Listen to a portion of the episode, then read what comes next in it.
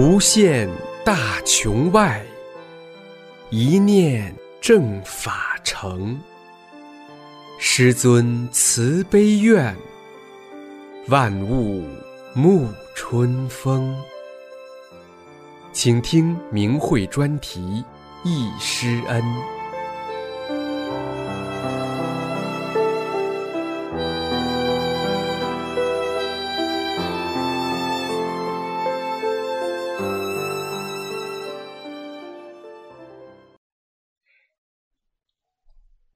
请听明慧专题文章《忆师恩》，题目是《忆参加师尊重庆第二期讲法班的日子》，作者大陆大法弟子口述，同修整理。文章发表于明慧网，二零一九年七月十五日。我今年八十九岁了，每当回想起二十五年前，也就是一九九四年，参加师尊在重庆第三钢铁厂礼堂举办的。第二期讲法传授班的幸福日子，都会热泪盈眶，心情激动不已。在这二十五年的修炼中，我深深体会到了修炼大法的幸福与艰辛。风风雨雨的走到今天，我更加珍惜大法，感激救度众生的师傅。我把这段珍贵的幸福的回忆讲出来，与同修交流。一。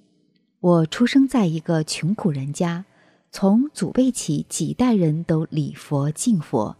我外婆就是全心修佛的人，我从小就萌发过出家修道之心。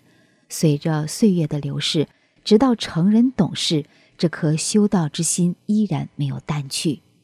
曾经有名大师传授过我太极拳，在一次重庆武术比赛中。我还获得过太极拳的第一名，在气功高潮中，我练过许多气功，也有密宗师傅主动要收我当徒弟。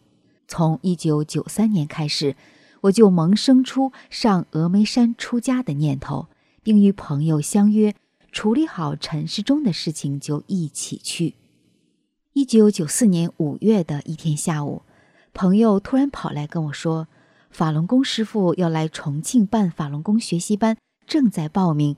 听说这功法不错，先前在重庆已经办过一期了。我们先不去峨眉山，去参加法轮功学习班看看。当时我一心要出家，就对他说我不去，还是坚持要到峨眉山出家。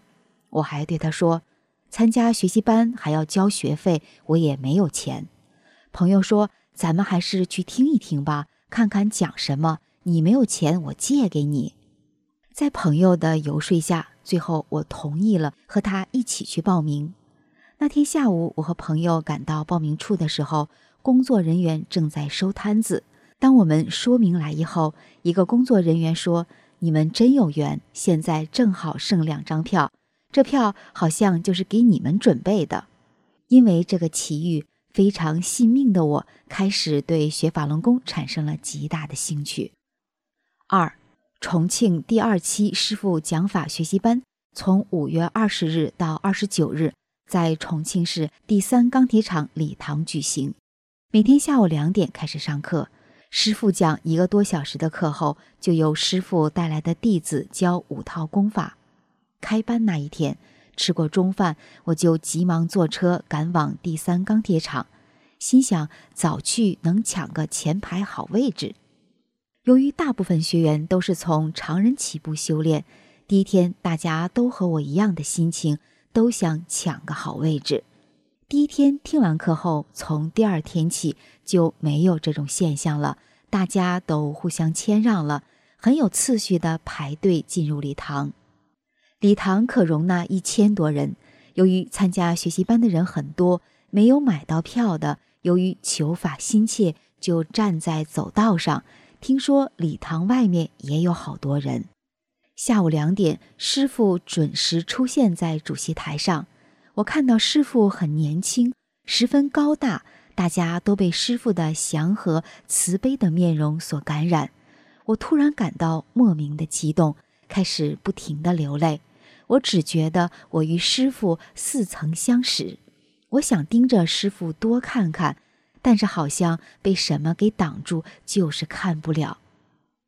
当师傅讲到往高层次上传功，大家想一想是什么问题？那不就是渡人吗？渡人呢，你就是真正的修炼了，就不只是去病健身了。这段法见转法轮，我一下子明白了。我一生中向往和追求的，不正是这万古不遇的宇宙大法吗？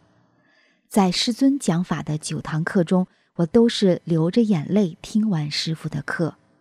五月的重庆虽然没有入夏，气温还是比较高的，但是一进到礼堂，都会感到非常凉快舒服。师傅在课堂上问学员热不热，学员都齐声回答不热。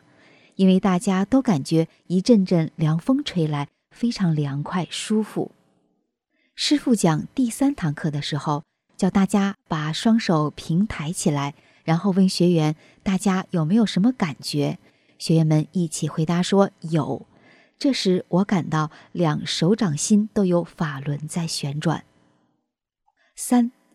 大概在第五堂课中途休息的时候，我正在和一些学员交谈心得，突然感到有人碰了我的左手背一下。我转头一看，是师傅到了跟前。那时我紧张的不知所措，就像一个小孩子傻傻的站着。现在想起，真是后悔，为什么当时不会向师傅问声好呢？怎么就想不起来和师傅握握手呢？这时，武汉的一位学员赶过来拍照片，周围的学员看见了，也凑过来和师傅一起照相。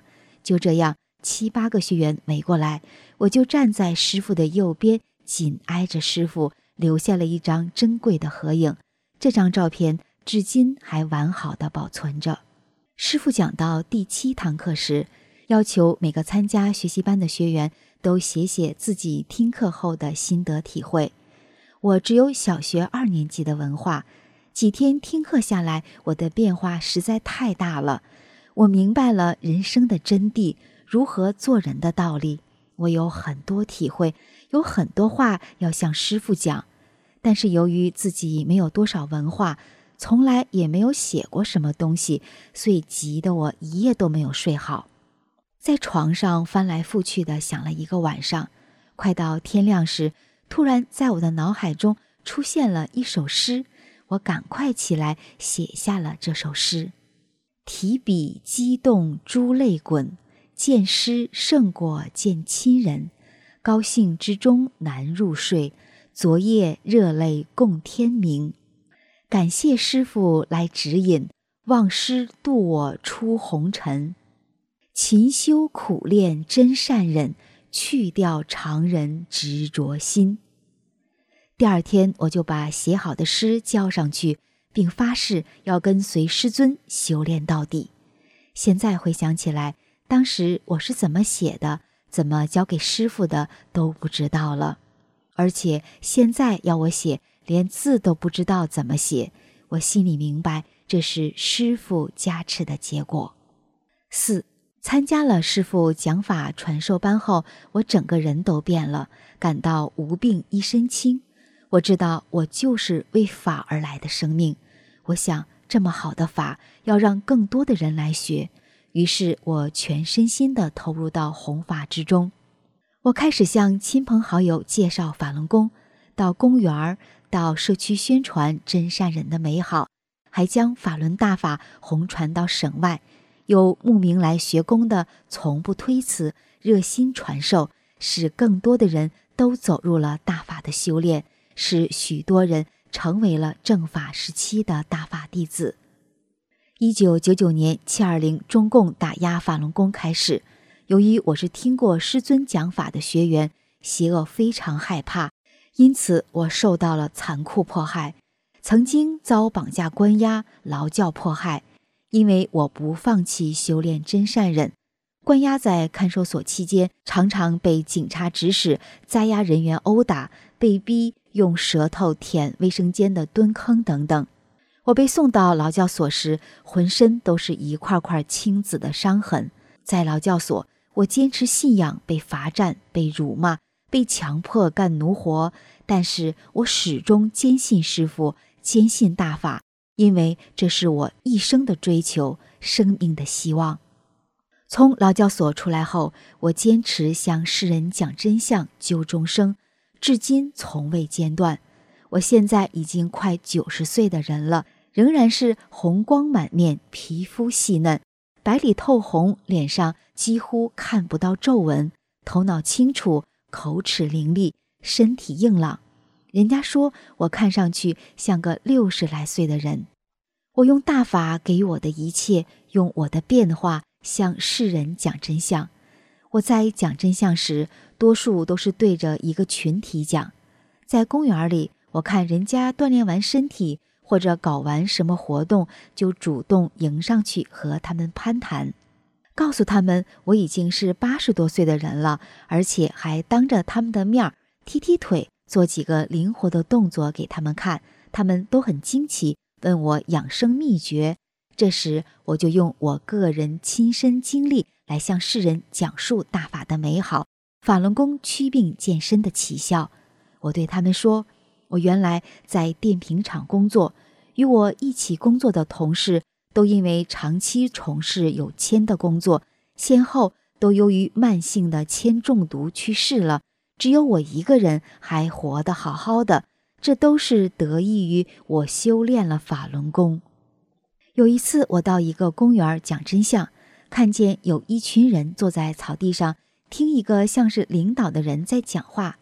等这个人讲完话之后，我就过去对他说：“我能不能给你们这些人讲讲话？”他说：“你讲什么？”我说：“讲讲如何祛病健身。”他说：“好呀。”他就要求大家好好听听我讲如何保养身体的秘诀。我向他们讲了我修炼法轮功后的变化。大家都认真的听，不时发出赞叹之声。讲完后，我还每个人送了一份真相资料和一个护身符。那天我身上还剩下三十六份，刚好他们也是三十六个人。这些年来，我每天都出去向世人面对面的讲真相，从未间断过。我要把我曾经发过的誓约付诸行动。告诉世人，法轮大法好，真善人好。谢谢师傅。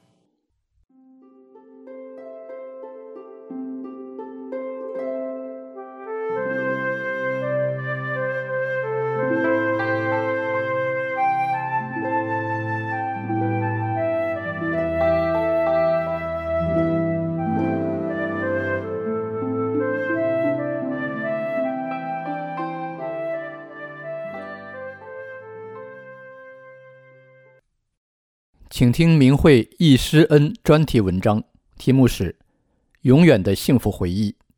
文章发表于明慧网，二零零七年九月七日。作者：辽宁大法弟子。我已年逾花甲，还是在高中读书时就对气功感兴趣，并开始练气功。三十多年来，接触练了许多种气功。正如师傅说的，他今天学这个功，明天学那个功，把自己的身体搞得乱七八糟。他注定就修不上去了。转法轮，有幸的是，我最终找到了真正的修炼功法——法轮功，并于1994年先后参加了师傅在济南、哈尔滨、延吉三个传功讲法班。94年的六月下旬，我参加了师傅在济南的第二期传功讲法班，这是我第一次参加师傅的讲法班。师傅每次讲法之前，都从衣兜里拿出一张纸，放在桌子上。师傅说。我这个人说话没有废话，希望大家注意听，不要记。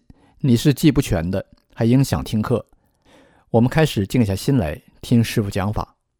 师傅说：“你能够直接听我传功讲法，不是祖上积德，也是三生有幸。”虽然开始时我不了解法轮功，但是我听到“祖上积德，三生有幸”这八个字，对我震撼很大，感觉不同寻常。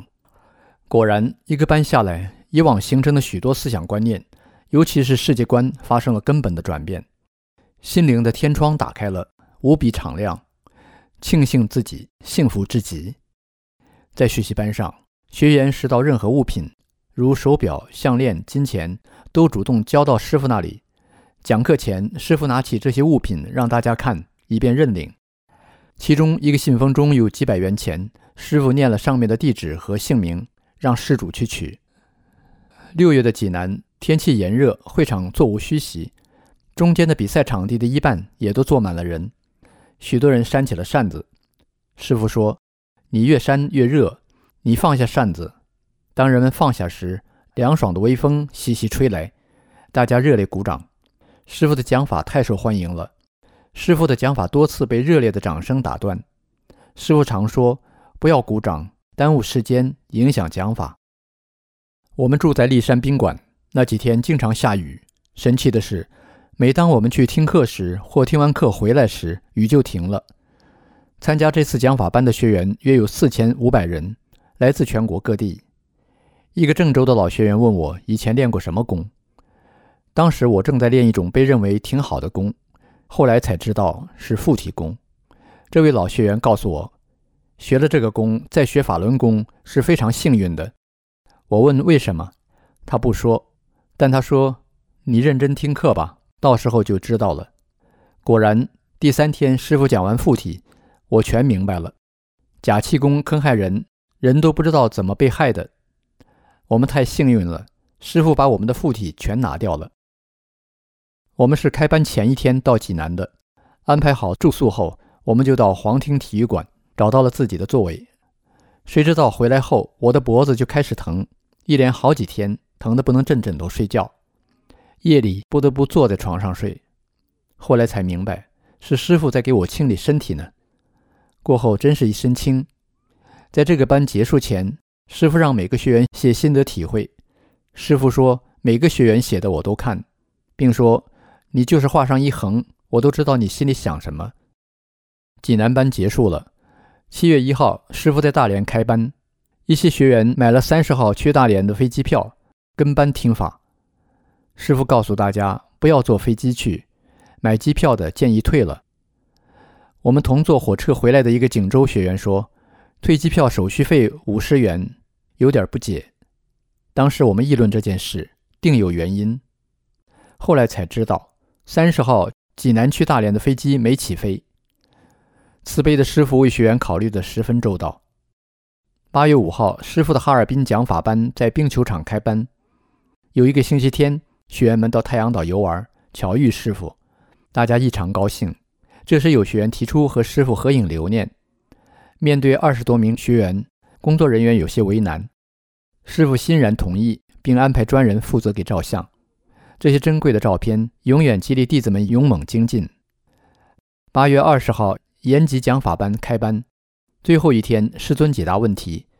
我提条子问师傅：“法轮世界的主持是谁？”期盼师傅回答。师傅念了条子：“法轮世界的主持是谁？”没回答，就放在另一边了。然后拿起下一个条子。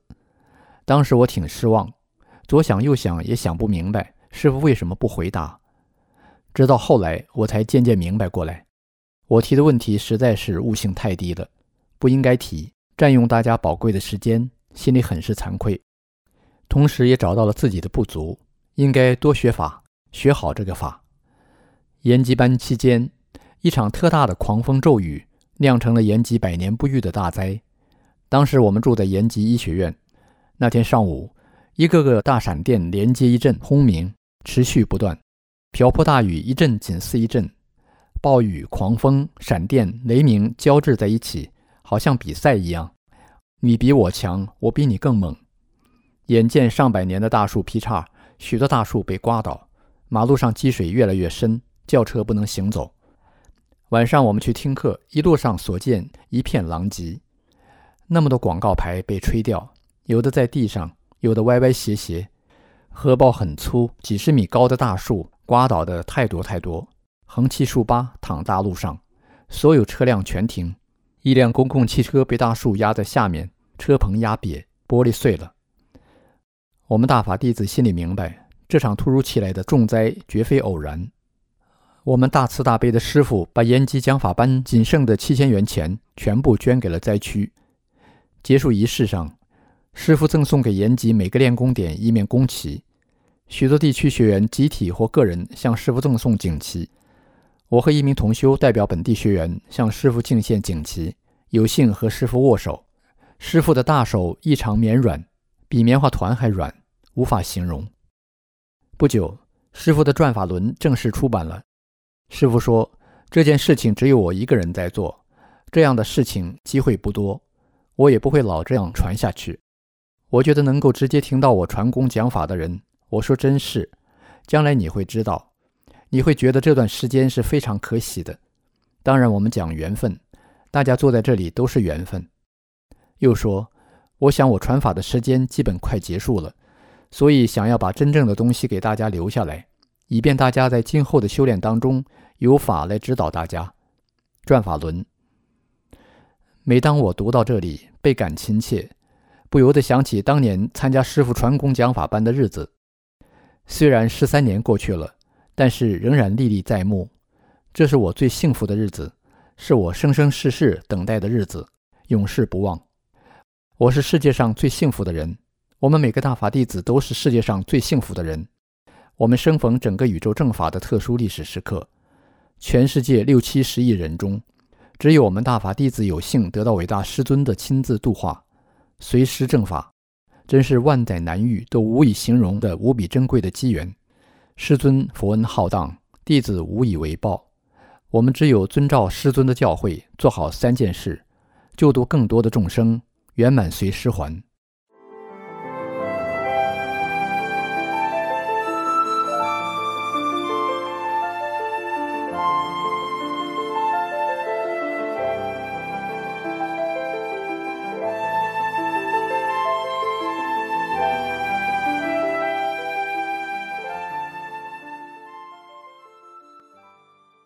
请听明慧易师恩专题文章，题目是《咸宁大法弟子易师恩》。文章发表于明慧网，二零零七年七月十八日。一九九四年六月，咸宁温泉有许多人从武汉大法弟子那里得知，师尊将于六月十一日在河南郑州开办八天的讲法班。便请武汉学员帮助订了十四张票，每张票四十元。六月十日，我们咸宁温泉一行二十人坐汽车至武汉，后转乘汉口至郑州的火车，大约晚上六点到达郑州站。出站时，有大法学员举着法轮功的牌子接站，并把我们安排至民族饭店。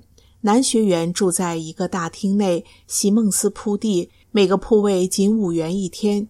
女学员住在另一个大厅内，也是席梦思铺地，每个铺位仅两元半一天。当时大家心情都很激动，都盼望着能早日见到师尊。第二天早晨，也就是六月十一号九点至十一点，师尊在风雨球场办了一场代工报告，大约有一千七百多名学员参加了，整个球场呈梭形。走进球场，感觉它很像一个礼堂，四周是破旧的砖墙，上面的玻璃窗残缺不全，顶棚是铁皮的，因为年久失修，也是千疮百孔。球场是水泥地板，右侧三四级台阶上有一层水泥看台，学员们大部分在球场上，少部分在看台和台阶上等待着师尊的到来。不知是谁喊了一声：“师傅来了！”大家都站了起来，热烈鼓掌。只见高大和蔼的师尊穿着一件朴素的白色短袖衫出现在门口，稍作停留后，师尊走上讲台。讲台上当时只有一张木桌，上面只放了一个话筒，灯光不是很亮，直照在师傅身上。师傅简单做了自我介绍后，便开始讲法。从六月十一日开始，师尊每天晚上六点开始讲法。期间，为了节省学员的开支，星期天上午、下午、晚上各讲了一课。每晚师尊都准时到场，从不迟到。第二天，星期天，六月十二号下午讲法，大概半小时左右，只见乌云密布，天突然黑了下来。狂风大作后，倾盆大雨夹着冰雹落了下来，打得顶棚噼噼啪啪作响，并从破口处漏了下来。狂风夹着暴雨从残破的窗户吹进来，很多人身上被雨水淋湿了，电也停了。学员中有些骚动。当时师尊讲了一段法，大意是：当年释迦牟尼传法的时候，也有这样的干扰。当时释迦牟尼正在给弟子讲法，突然一阵风吹进来，把蜡烛吹灭。释迦牟尼的弟子当时有些骚动。释迦牟尼告诉他的弟子不要受到干扰。释迦牟尼在一片漆黑之中继续讲法。听了师尊讲了这段法后，学员们便安静了下来。工作人员点燃了蜡烛，师傅把桌上一清，在讲桌上盘腿打了一套大手印，然后用手一抓，把一个什么东西装进了一个空的矿泉水瓶子里。大家都默默地坐着。看着师尊的一举一动，过了一会儿，风停雨住，天也渐渐变亮，太阳也出来了，电也来了。师傅说：“你们这个班素质很好，带来的东西也不少。”又接着讲法了。第二天，有的学员到黄河边上去玩，看到许多齐腰粗的大树都被连根拔起，才知道原来师傅昨天是在除魔。又过了一天，我们就转到一个条件比较好的礼堂去了。在讲法期间，还发生了件令人惊奇的事：有个学员早晨起来的比较早，洗漱完毕后，七点多看见其他学员还没有起来，就敲着碗喊：“哥们，过早去哇！”师尊早上九点钟讲法之前就笑着说：“有的学员早晨还敲着喊：‘哥们，过早去哇！’”大家听后都感到师尊对我们的一言一行了如指掌，绝非凡人。还有一个女学员，五十多岁，有一天到外面吃饭，结果随身的包丢失，找不着了。因包里有一万元的存折和许多证件及一本中国法轮功的书，她很着急，便跟师尊讲了。师尊说：“以后小心点。”过了几天。这个学员又到那个餐馆吃饭，看见有一个小伙正在看一本《中国法轮功》。他走上前一看，写着他的名字，正是自己的那本。他就对他说：“这是我的书，我的包呢？”那个小伙子就把书和包还给了他。他打开一看，存折、证件、现金一件都不少。那个小伙子惊讶地说：“呀，怎么我没看到啊？”这个女学员就想到，原来是师尊在保护我呀。在郑州传完法后，最后一天的白天，师傅应邀和学员合影。湖北武汉、黄冈、麻城及其他地区的学员分别与师尊合影。由于咸宁区的学员是自发组织的，没有名单，照相时就漏了。有两位女学员便去找师尊，其中一个小王对师尊说。我们咸宁是自发组织来的，没有辅导员，没有人组织，想和您一起照张相留念。师尊笑着对他说：“照相可以，可我不是来治病的。”一边说着，一边向下一滑。原来小王很小就有心脏病，师尊早就看到了，才这么说。小王赶紧说：“我不是来治病的，就是想和您照个相。”师尊笑着说：“等他们照完了，再跟你们照。”我们便到一边等着。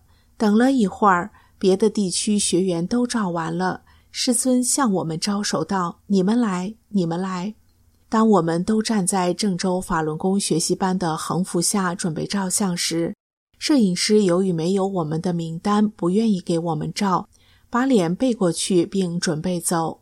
师傅走上前，把他叫转过来。才留下了这个珍贵的瞬间。当晚，师尊便启程去山东济南讲法，我们也坐晚上九点钟的火车赶往济南。第二天早上八时许到达济南站。由于我们是老学员，听课费由原来的四十元减至二十五元。回想起师尊传法之艰辛，为我们付出了太多太多，我们希望咸宁弟子。能打破同修之间的间隔，形成一个圆融不破的整体，做好三件事，助师正法。